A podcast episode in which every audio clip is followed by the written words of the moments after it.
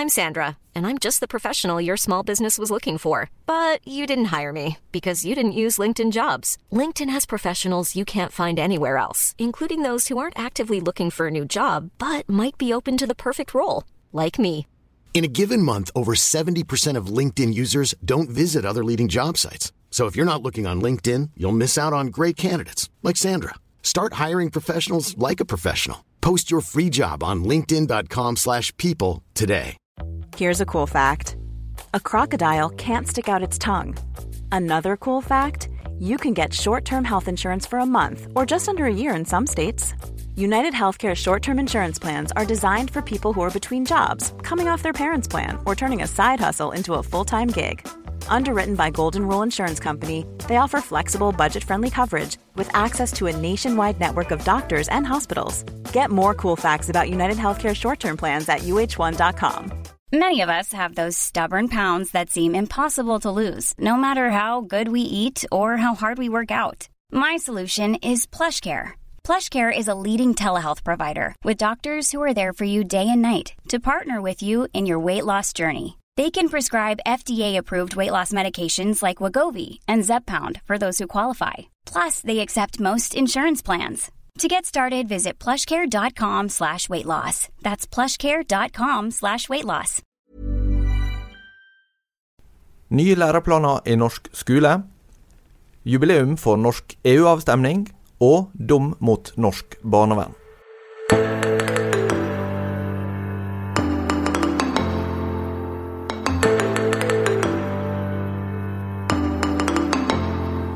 Det er faktisk sol her i Bergen, Tarjei. Det må vi glede oss over så lenge. Det må vi glede oss over hver dag vi kan. Ja, og eh, når eh, vi eh, nå er her igjen, så er det egentlig ganske mange ting vi kunne snakke om i dag. Men vi har gjort et lite utvalg, da. Eh, så skal vi kanskje også nevne at vi nå står på farten og skal til London en tur. Sånn at vi håper jo å få litt input eh, derfra som vi kan ta med oss eh, neste uke. Men, eh, men det, det skal vi heller komme tilbake igjen til. Vi var jo spent på om det ville bli vanskelig å komme seg inn til London, for egentlig skulle de ha forlatt Den europeiske unionen Ja. for noen uker siden, men det gikk jo ikke sånn Boris Johnson håpet. Ja, i første omgang var det jo siste frist i mars. Ja, det var enda tidligere, Ja. egentlig, ja. Men han var jo veldig høy og mørk på at han skulle komme seg ut 31. oktober, men det gikk ikke. Nei. Så nå er det jo snakk om at i 2192 så skal statsministeren i England på den tiden reise til Brussel og be om en ny utsettelse. Ingen vet lenger hvorfor man gjør det, men det er blitt en tradisjon. Det er jo et spøk, selvfølgelig. Ja. Men uh, vi får nå se hva som skjer. Det får vi. Jeg tror ikke det blir noen avklaring denne, denne veka her. Nei, det gjør nok ikke. Nei. Det som derimot er klart, er at det skal komme nye læreplaner i eh, grunnskole og i videregående i Norge. Og De skal komme i sving neste høst. De ble presentert mandag av kunnskapsminister Jan Tore Sanner fra Høyre. Og Han mener dette er snakk om den største endringa i norsk skole siden innføringa av reforma Kunnskapsløftet i 2006. Eh, et viktig poeng med disse nye læreplanene er å satse på det en kaller dypnelæring, eller på bokmål dybdelæring. En skal konsentrere seg mer, og skal ha mindre sånne spesifikke læringsmål, som en har hatt ganske mange av tidligere. Jeg ble litt forundra når jeg så gjennom de læreplanene som gjelder f.eks. i barneskole, ikke minst i KRLE-faget, hvor mye det er forventa at norske barn skal lære. Og her eh, er det jo litt sånn fascinerende å se hva kjennskap de skal ha til, til bibelhistorie, og hva som ser ut til å være resultatet. For det er jo, eh, er jo egentlig Ja, mitt inntrykk er vel at eh, nordmenn flest vet ganske lite om hva som står i Bibelen, iallfall hvis de er under, si, 50. Eh, Det er jo et sånn underlig paradoks der, som vi har fått bekreftet nå når vi har reist rundt til ulike deler av Kristen-Norge, at både ungdomsledere og menighetsledere jevnt over, både i Den norske kirke, men òg langt inn i frikirkeligheten, snakker om at de kan ikke lenger forutsette at barna har selv elementær De kan ikke si 'ja, vi kjenner jo historien om Moses', for det, det er opplevelsen. at det gjør de ikke. Men egentlig skulle de jo det, som elever i norsk skole. ja, det er det de faktisk skulle. At det har vært ganske sånne spesifikke mål. Eh, Så enten, enten fungerer undervisningen veldig dårlig, altså det er lite læringsutbytte, eller så skjer ikke undervisningen. Nei, men det er jo for så vidt eh, tankevekkende når eh, det er en gjenganger ut på uh, vårparten i uh, iallfall somme aviser og ringer rundt til kjente folk for å spørre hvorfor feirer vi pinse. ja. eh, og da kan en bli litt betenkt over eh, ja. kunnskapsnivået hos også ledende mennesker i vårt samfunn. Sånn at eh, sånn sett er det kanskje ikke så overraskende, men, men jeg ble litt overraska over hva, hva idealer på et vis er. Men nå beveger han seg vekk fra det. Eh, det er færre kompetansemål enn i dag. Og eh, statsråd Sanner han sier også at hver enkelt lærer og skole står friere til å prioritere sjøl innenfor hvert enkelt fag. Et av de fagene som eh, skal ja, bli mest endra, kanskje, det er kristendom, religion, livssyn og etikk, KRLE. Og En av de som reagerer ganske sterkt på de endringene, det er generalsekretær Paul Erik Virgenes i Bibelselskapet. For han mener at her er det en total mangel på omtale av verdensreligionenes religiøse skrifter, eh, som han sier til Vårt Land. Og han etterlyser referanser til både Bibelen, Koranen og andre hellige skrifter. Og han mener dette uttrykker en manglende forståelse av hellige skrifter, deres betydning i de store religionene. Her er det jo kanskje noe med å trekke litt lunge lange linjer, da. Da eh, den første skolelova i Norge ble innført i 1739, så var det jo fordi konfirmasjonen hadde blitt innført tre år før. Eh, litt sånn sett på spisset så kunne en kanskje si at elevene, eller norske barn, eller barn i Norge og Danmark da, på den tida, skulle lære seg å lese og skrive for å bli gode kristne. Dette var jo under statspietismen, som eh, hadde et eh, mål om å fremme eh, fromt kristenliv hos eh, befolkninga.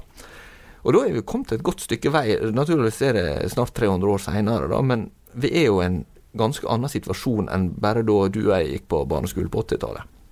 Ja, Det er jo ganske interessant å, å, lese om det der, altså utviklingen av, av, kristendomsfagets plass i norsk skole. For det er jo ikke en utvikling som begynte når vi ble født, eh, for nesten for ditt tilfelle var rett over 40, i mitt tilfelle rett under 40 år siden. Det hadde jo pågått lenge allerede, og, spesielt når vi ser helt tilbake til 1700-tallet, så er det jo det har skjedd veldig mye i samfunnet siden det. Vi snakket vel om det, tror jeg, i en tidligere episode litt òg om at, om at uh, forståelsen av religion er blitt mer en sånn individuell sak.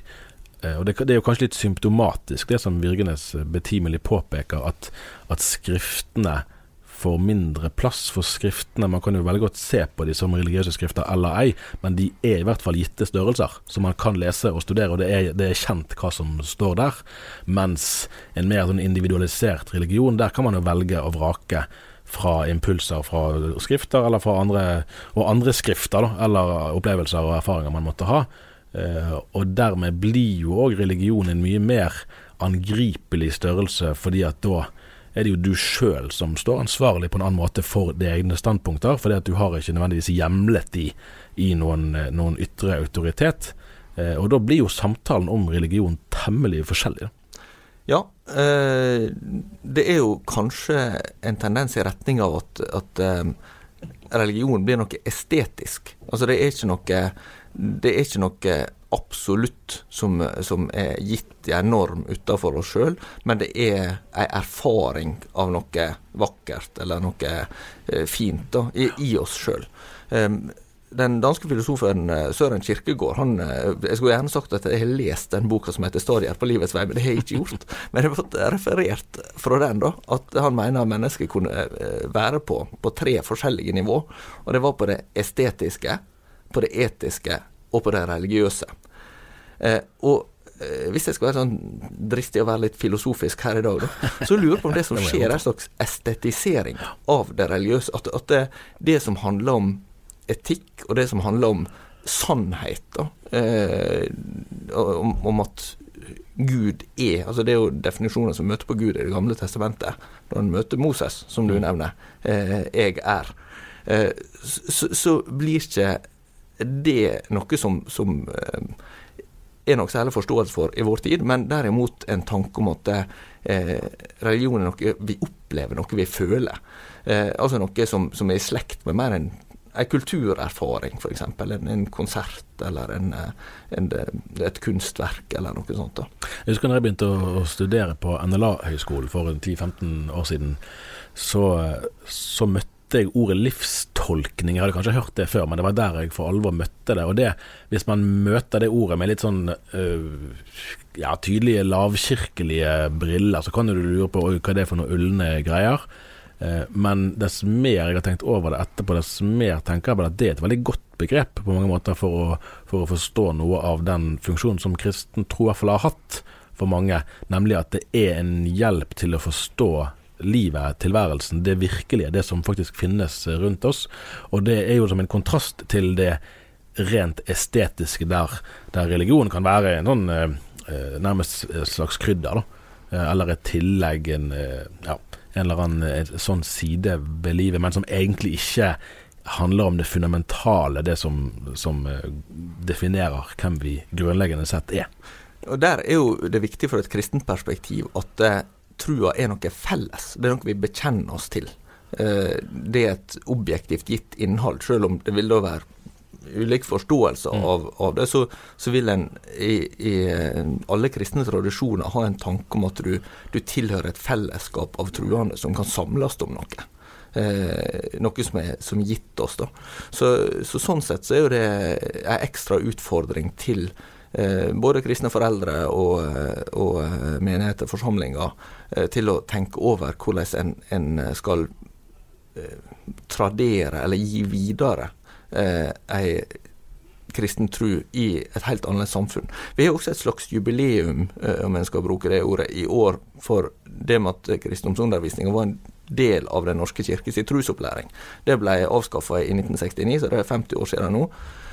men vi har jo nå kanskje nådd et, et slags slutt, sluttpunkt for den eh, utviklinga der en kan tenke at, at, skole skal være en slags medspiller. Det, det er jo eh, endrer seg også med naturligvis eh, at vi har fått annet, helt annet religiøst mangfold i, i, samfunnet, både med innvandring om at det er færre som velger dåp for, eh, for barna sine, og dermed at Den norske kirke har eh, forholdsmessig mindre oppslutning eh, i befolkninga. Men, men eh, uansett så er det iallfall en helt annen kultursituasjon. da, Som, eh, som jeg tenker at det, er noen samtaler som kanskje etterlyser altså det, det, det er jo viktig med bevissthet om, og, og, i den grad en ser grunnlag for det, kritikk mot en utvikling som går, går feil retning. Men det er jo også noe med å ha en strategi for å møte den utviklinga, eh, og ikke bare, bare, måtte klage over at det, det går galt. Akkurat det, det tenker jeg er veldig, veldig viktig. fordi at altså Endringen i læreplanen skjer jo som en konsekvens av samfunnsendringen. Så hvis vi vil protestere mot endringen i læreplanen, så må vi jo først forstå da hva den er et resultat av. Eh, og i samfunnet peker jo pilene vel i retning av mer relativisering snarere enn mindre, i hvert fall i det som vi kan observere her og nå. og da tenker jeg det er veldig viktig at, eh, at kristne, både familier og menigheter og forsamlinger, eh, tenker nøye gjennom hvordan skal vi sørge for at barna våre faktisk vet hvem Josef var, og Moses og Elia og, og David og Goliat, og hva er egentlig disse historiene for noe. Et av de intervjuene jeg har gjort de senere årene som jeg har tenkt oftest tilbake på, det var når jeg satt sammen med Ivar Skippervold han har landsted ikke så langt fra Bergen. Jeg møtte han her i forbindelse med en, en bok han hadde skrevet. Han har jo beveget seg en del nok eh, teologisk fra der han eh, var eh, i 80-årene. Men jeg husker jo fra min egen barndom om hans eh, sangspill, musikkspill, der han presenterte mange av bibelhistoriene. Og det er det som for meg er referansen. Hvis jeg tenker på Josef eller på Daniel i Løvehulen, så er det gjerne hans sanger som da Eh, kommer til tanken eh, tidligst. Og De ble jo spredd i skolen i tror det var flere hundre tusen. Jeg tror alle skoler i landet nærmest hadde de musikkspillene. Det sier noe om endringen som har skjedd i løpet av ganske kort tid, for det vil nok være ganske utenkelig i dag.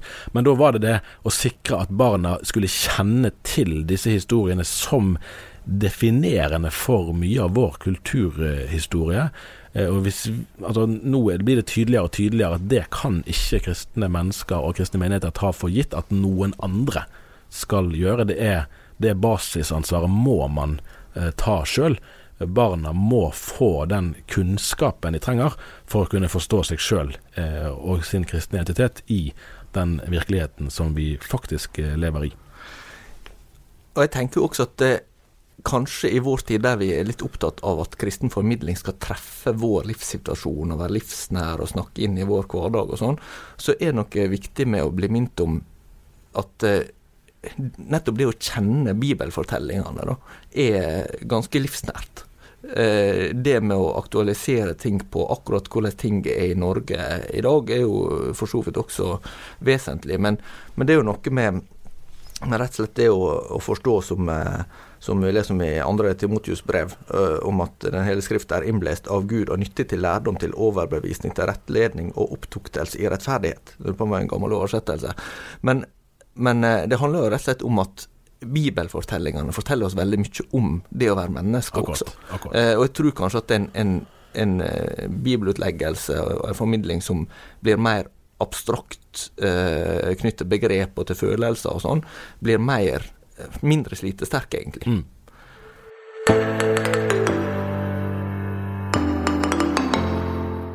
Det neste vi skal snakke om i dag, er et slags jubileum. Og eh, det går tilbake til før vi hadde stemmerett, men eh, det er vel eh, ikke under noe valg senere det er så mange som har deltatt, nemlig i 1994, 28.11. Da var det i Norge for andre gang avstemning om vi skulle bli medlem i det som nå heter EU. Vi hadde jo også i 1972 hatt avstemning om det som da heter EEC. Begge gangene ble det nei. Og um, nå er du gjort noe litt dristig, Tarjei. ja. ja, denne gangen eh, så har jeg tenkt å stå frem som ja-mann i avisen. Det var godt du ikke hadde stemmerett i 1994. ja, dagen, dagen, var jo veldig tydelig på nei-siden ved begge de uh, avstemningene der. Jeg skrev faktisk bacheloroppgave i sammenlignende politikk om, om, de teologiske argumentenes uh, betydning for kristenfolkets stemmegivning den gangen. Det var ikke så lett å, å, få tak i veileder på Institutt for sammenlignende politikk, for dette var nok en tematikk som ikke så mange der hadde spisskompetanse innenfor. Men oppgaven ble nå, ble nå levert, og det var jo interessant nok, det. altså. Jeg driver nå og jobber med en sak som ja, noen hører kanskje dette her etter at den er blitt publisert, men den handler om det er mer sånn eh, Kanskje litt kuriøst for folk som er utafor våre eh, Ja, som ikke er abonnenter, eller ikke liksom eh, kunne tenkt seg å være det eh, på dagen. Men det handler rett og slett om det mer sånn profetiske eh, perspektivet på EU-avstemninga. Og det også var en eh, tematikk som du eh, så litt på? når du skrev litt. Ja, altså Det er noe veldig fint, syns jeg, og beundringsverdig i det. Og, apropos det som det vi snakket om i sted, eh, om Bibelen som hjelp til livstolkningen.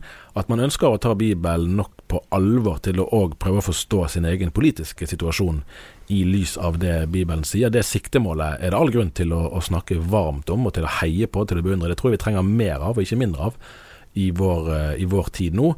Eh, men så er det samtidig viktig å være seg bevisst at uh, historiens linjer er lengre enn de jeg uh, kan se med mine øyne, og de strekker seg òg lenger enn til mine foreldre og besteforeldre, og lenger andre veien enn til mine barn og barnebarn. Uh, og jeg vil jo si, og det nå Det ligger jo på Man kan se på YouTube noen av debattene som gikk på NRK i 1994, og vel før det òg, der disse argumentene blir behandlet, og det, man blir nesten litt pinlig berørt. Jeg blir i hvert fall det når jeg hører hvor eksplisitt og direkte ellers oppegående kristne og teologer har vært villige til å forstå bibelordet anvendt på, eh, på EU, da. F.eks. Eh, disse tankene om, om tolv eh, land som tolv horn. Ja, ti horn. Ti år, ja, ja. ja. ja, det er jo fra Johannes Hoppe Men det er for det er noe poeng at det har jo skiftet. Sant? EU sitt medlemskap har jo vært i bevegelse stadig vekk, og er det fortsatt. Ja, Nå går de fra 26 til, nei, 27 til 26 hvis Storbritannia lykkes med å komme seg ut. Jeg har en følelse at det med EU-medlemskap er litt som en Facebook-konto. Det er lett å få, men du blir aldri kvitt det hvis du, skaffer det. Godt poeng. Godt poeng. Nei, så det blir sårbart, da. Eh, og, og man står i fare for, tror jeg, å egentlig undergrave et altså, noe av tilliten òg til det profetiske ordet, da, hvis, man, hvis man gjør anvendelsen altfor eh, spesifikk. Eh, liksom, det er vel det som har skjedd litt, at vår generasjon nesten ikke bryr seg om eh, endetidsteologi. Eh, sikkert som en frukt av sekularisering, men jeg tror òg som en frukt av at eh, vi ser at det har blitt ført ut i det i det uforsvarlige. Da. Men her er det viktig å være klar over at eh, linjene går veldig langt tilbake. De første endetidsbevegelsene blant kristne oppsto jo så tidlig som på 200-tallet. eh, med montanismen i, ja, ja. i Nord-Afrika. Og så har det vært eh, stadig nye bølger. Det var jo f.eks. også i forbindelse med, med slaget på Stiklestad, så var det det sterke eh, tanken om at det var eh, et tydelig endetidstegn. og og eh, der er har vært eh, altså, For eksempel så, så, er jo byen Philadelphia i USA den er jo navn etter eh, byen Philadelphia som vi leser om i Johannes' åpenbaring 2 og 3. Der eh, vi har disse sju sendebrevene som, som, er fra Jesus til eh, sju navngitte menigheter i, i, dagens Tyrkia, da, eller Lille Asia som, eh, som det heter i, i bibelsk språkbruk. Og Philadelphia var liksom eksempel på den menigheten som holdt ut tross motstand men som måtte skulle, skulle bli bevart gjennom den, eh, den trengselstida som, eh, som, eh, Eller ja, det er forskjellig forståelse om en skulle bli tatt ut av en trengsel eller bli bevart gjennom. Men det var da folk som, som etablerte Philadelphia i USA, som, som var inspirert av måtte, den tanken om, å tenke sånn om livet. Og Det er jo også et trossamfunn som er oppstått med helt konkret endetidsforventning. Sånn som adventistene i, eh, som har venta Jesu gjenkomst i 1843. Og folk hadde kvitta seg med eiendelene sine og sto på fjelltopper i USA og var, var klar til at det skulle skje. Og så, og så skjedde ikke det, og så ble det, måtte omtolke det. Og så tenker du at det, der ligger eh, jeg, jeg las litt i, i eh, Oskar Skarsaune, tidligere professor på eh, Menighetsfakultetet, ga ut en bok for 20 år siden som heter 'Tusenårshåpet'. Eh, der han, eh, han tar opp dette her med, med endetidsforventninger gjennom 2000 år. Da. Den kom jo til rett før årtusenskiftet. En annen sånn eh, hendelse som ble, ja, endetidsforventning til. Eh, så skriver han i forordet her da. Eh, man kan godt lese historien om den kristne endetidsforventning som en historie om misforståelser, feilberegninger og stadig på nytt skuffede håp. Men det går an å lese den på en helt annen måte også. Man kan lese den som historien om brudepikene som holdt lampene brennende, selv om oljen ikke alltid var den vi ville brukt. Og da inneholder denne historien, med alle sine rariteter og alle sine raringer, en eksistensiell utfordring for oss som er kristne ved år 2000. Jeg tror vi har godt av den. Det var godt sagt.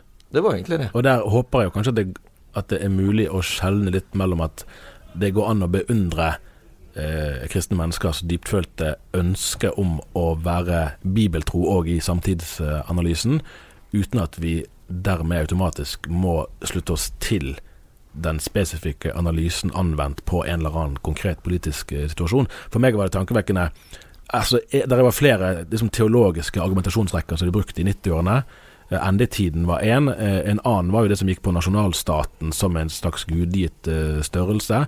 Den mangler jo, vil jeg si, en viss sånn forståelse av at nasjonalstaten er jo en oppfinnelse som ikke har vært der fra tidenes morgen. Og ikke bare det, men, men den fikk jo for meg for alvor et skudd for baugen. Ja, Det hadde han fått for lenge siden, men, men, men det ble liksom bekreftet når, når Frank Aarebrot viste oss europakartet fra ja, 1500-tallet, der det gjerne var en 400 bystater. Så hvis du skal mene at nasjonalstaten er, inngitt av Gud, hvor henne, da, på hvilket punkt i historien eh, er det det skal være? Og Da kan vi helt konkret begynne å spørre om hva Jugoslavia, Guds vilje, var Sovjetunionen, Tsjekkoslovakia det, osv., osv., osv. Fordi landegrensen har jo flyttet på seg.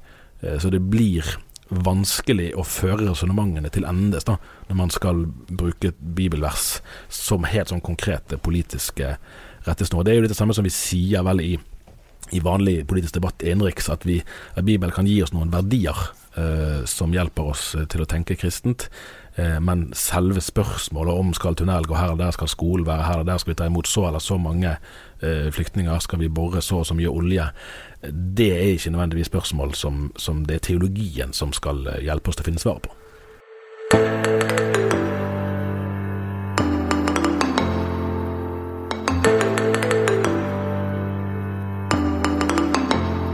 Vi har snakket litt om, eh, om EU nå. Eh, en annen side i, europeiske, i, det europeiske maktapparatet er jo Europarådet. og Det er viktig å ikke blande EU og Europarådet, fordi altså, Europarådet favner jo en del bredere en del flere medlemsland enn ja. en EU gjør. F.eks. Russland og Tyrkia medlemmer, og, og Norge medlem. Nettopp. Vi har jo til og med generalsekretær. Akkurat det vi har en liten stund til. En av Norges eh, Jeg er spent på hans bok, for øvrig. Ja, Torbjørn Jagland. Jagland ja. Men det tror jeg vi skal komme tilbake til når, den, når den kommer. I dag skal vi snakke om Den europeiske menneskerettighetsdomstolen domstolen, som nok en gang har eh, påført Norge en dom i en barnevernsrelatert eh, sak. Dette er jo et stoffområde som du har fulgt ganske nøye over noen år nå. Hva, er det som, eh, hva slags utvikling er det vi ser her?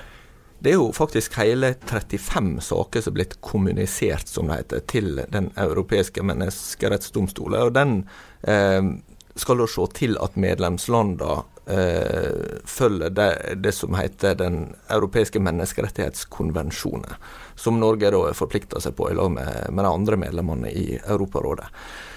Og eh, der er jo særlig da et punkt som går på, på retten til familieliv, som eh, Norge er blitt eh, kritisert for i eh, flere av disse, disse barnevernssakene. Eh, det er jo spennende å se utfallet i det andre, er jo et veldig stort antall. For det første så er det jo stort sett eh, østeuropeiske land som, som dominerer eh, i antall saker som blir tatt inn. Og for andre så er det jo dette et, et, et saksfelt der altså Generelt er jo Norge opptatt av å være god på menneskerettigheter, og ikke minst på, på barnerettigheter. Det går jo helt tilbake til så Castbergske barneloven i 1915, eller noe sånt, så det går på at Norge har vært veldig tidlig ute med å skulle gi barn rettigheter. Eh, men nå så, så, er det jo blitt eh, veldig mye kritikk mot Norge pga. hvordan barnevernet fungerer. Og eh, den saka som det faller dom i nå, det gikk jo på et eh, barn som var blitt fratatt foreldre rett etter fødsel ut fra at eh, far var hadde ei kriminell løpebane og hadde operert som torpedo. Og eh, mor hadde ei lettere eh, psykisk diagnose, så vidt jeg forsto. og dommen går ikke på selve omsorgsovertakelsen, men den går på på samvær etterpå, da, som til dels har vært, ja, og er svært begrensa etter omsorgsovertakelser i Norge. Det kan være snakk om fire til seks samvær i året eh, på kanskje et par timer for, eh, for en del foreldre. Eh, sånn at eh, dette har jo da eh, utløst eh, en liksom helt uvanlig situasjon, egentlig. da. Det er jo litt interessant, for vi tenker jo gjerne om oss sjøl at vi ligger langt fremme når det gjelder humanitet, og, og, tenker klokt og moderne om, om rettighetsbeskyttelse og ivareta sårbare parter. Og det er vel ganske sånn gjengs oppfatning om at det er barna som er den, vanligvis den sårbare parten, og at derfor at det er barnas interesser som skal stå i første rekke. Eh, men så når det kommer såpass mange saker som det her, for dette er jo ikke den første dommen heller. Nei, altså det er dom mot Norge tre av fem. Nettopp. Så nettopp. Og så er det 30 igjen. For da må, altså når dette kommer fra en rettsinstans som vi har underlagt oss, så må jo, må jo dommene her føre til en eller annen form for korrigering av norsk både tenkning og, eh, og praksis. Eh, men foreløpig har vi vel ikke sett den helt store interessen for å debattere dette på en ordentlig måte eh, fra ledende politikere. Nå var det jo faktisk tema på Debatten på NRK i forrige uke, der en del ganske sterke kritikere i Norge også deltok. Um, sånn at uh, sånn sett så er det fått mer oppmerksomhet de siste åra. Men noe av uh, stridens kjerne her tror jeg også handler om hele Si, en del ideologiske forutsetninger som er forskjellige. Jeg hadde et intervju med den polske ambassadøren i Norge. Polen er jo et av de landene som har har eh, ganske altså Der har vært en del gnisninger eh, mellom, mellom, Norge og Polen. Polakker er den største minoriteten i, i, Norge, nesten 100 000 polakker som bor her. Nå er det tallmessig veldig få. Eh, altså Det er under gjennomsnittet med polske barn som er blitt tatt fra foreldre her. Men jeg tror det handler om noe nesten litt sånn eksistensielt med den erfaringa om at staten skal gripe inn på en sånn måte for folk som i erfaring med å leve i et kommunistisk samfunn, der familier er vært både vektlagt på en helt annen måte enn den kanskje særlig er blitt de siste tiåra i Norge, med mer eh, at mer er blitt delegert til, til, det offentlige med barnehage og utvida tid i skole osv. Og så er det nok også en, en tanke om som har vært veldig viktig i Norge og, og, andre nordiske, kanskje generelt vesteuropeiske land, å gi barn mer individuelle rettigheter. Mm. Som eh, altså Ikke minst der det med, med bruk av fys, alle former for fysisk avstraffelse eh, er blitt veldig strengt.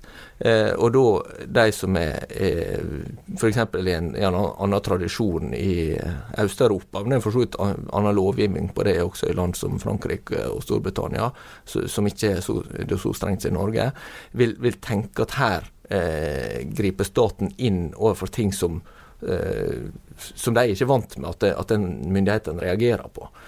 Um, så, så der er også en sånn, sånn side der. Altså jeg tror, tror uh, det er uh, kanskje et, et, eksempel på at gode intensjoner krasjer. da. Og så blir det også et, et, et, spørsmål om hva kompetanse som finnes. Det har vært sett ganske tydelige ord på også fra, fra ledende politikere at det er en har store utfordringer i barnevernet med at det er mange som jobber der over kort tid. Det er, det er Eh, misforhold mellom kompleksiteten i sakene en skal håndtere, og hva ressurser en faktisk har, eh, både kompetansemessig og ja, med antall ansatte og sånn. Men, men, eh, det er en veldig spennende sak hvordan den, den utvikler seg.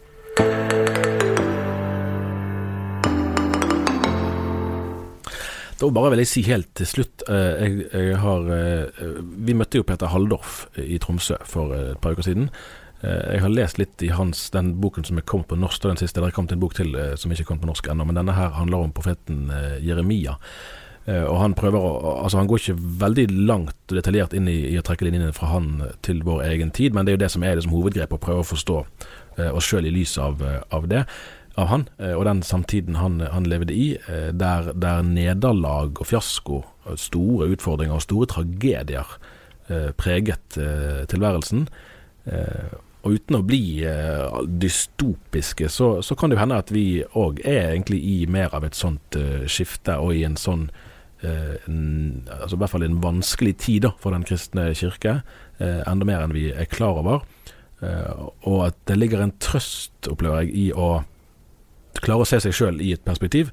Og forstå at ingen av oss kan velge den tiden vi lever i, men vi kan stole på Gud gjennom alle tider. Og så er det nok sånn med oss mennesker at vi er ikke alltid så innstilt på å gjøre det, og vi vil ofte klare oss sjøl og finne forskjellige løsninger på problemene vi syns vi, vi, ser rundt oss. Eh, og det kan få ganske dramatiske konsekvenser, som òg kan, kan eh, gå hardt utover Kirkens eh, åndskraft i eh, samtiden, med tilpasningsforsøk og det ene og det andre.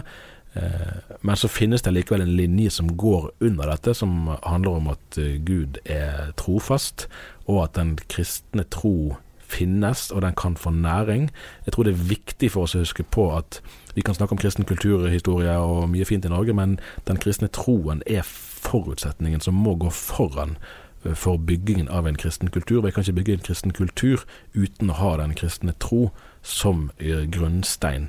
Hvis vi tror at de ytre institusjonene kan bære troen sjøl, så tar vi feil. Det er jo noe av det vi ser òg eh, når vi forstår kristendomsfagets virkninger. Der har jo veldig mye sånn vært på plass tilsynelatende i form av læreplaner og lærerutdanning og institusjoner og det ene og det andre, men det har åpenbart ikke hatt den ønskede effekten når det gjelder eh, trosopplæring og åndelig dannelse.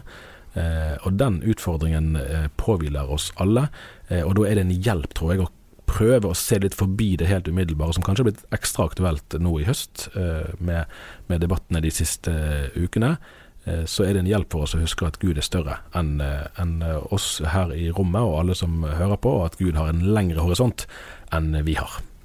Og dette kommer du tilbake igjen til i en anmeldelse av Hallorfs bok. Det er ganske riktig. Den står på trykk i avisen på onsdag ja. denne uken. Ja, neste uke blir ikke det Nei, nei, nei, den står på trykk denne uken. her, faktisk. Står på trykk nå. Ja, ja, ja, ja flott. Ja da, vi, vi, er jo i øyeblikkets uh, bransje. Vi er jo det. Så vi skriver så fort vi kan. Det skjer så fort.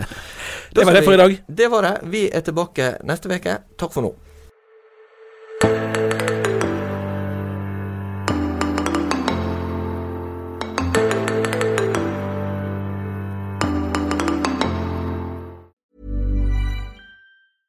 Want flexibility? Take yoga. Want flexibility with your health insurance? Check out United Healthcare Insurance Plans. Underwritten by Golden Rule Insurance Company, they offer flexible, budget friendly medical, dental, and vision coverage that may be right for you. More at uh1.com. Hey, it's Danny Pellegrino from Everything Iconic. Ready to upgrade your style game without blowing your budget? Check out Quince. They've got all the good stuff shirts and polos, activewear, and fine leather goods all at 50 to 80% less than other high-end brands. And the best part? They're all about safe, ethical, and responsible manufacturing. Get that luxury vibe without the luxury price tag. Hit up quince.com slash upgrade for free shipping and 365-day returns on your next order. That's quince.com slash upgrade. When you make decisions for your company, you look for the no-brainers. And if you have a lot of mailing to do, stamps.com is the ultimate no-brainer. It streamlines your processes to make your business more efficient, which makes you less busy. Mail checks, invoices, legal documents, and everything you need to keep your business running with Stamps.com.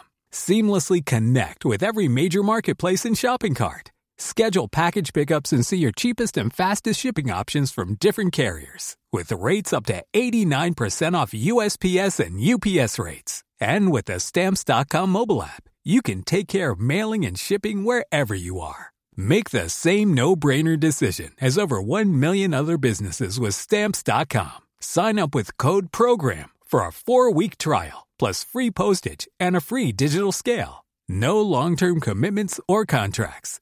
That's Stamps.com. Code PROGRAM.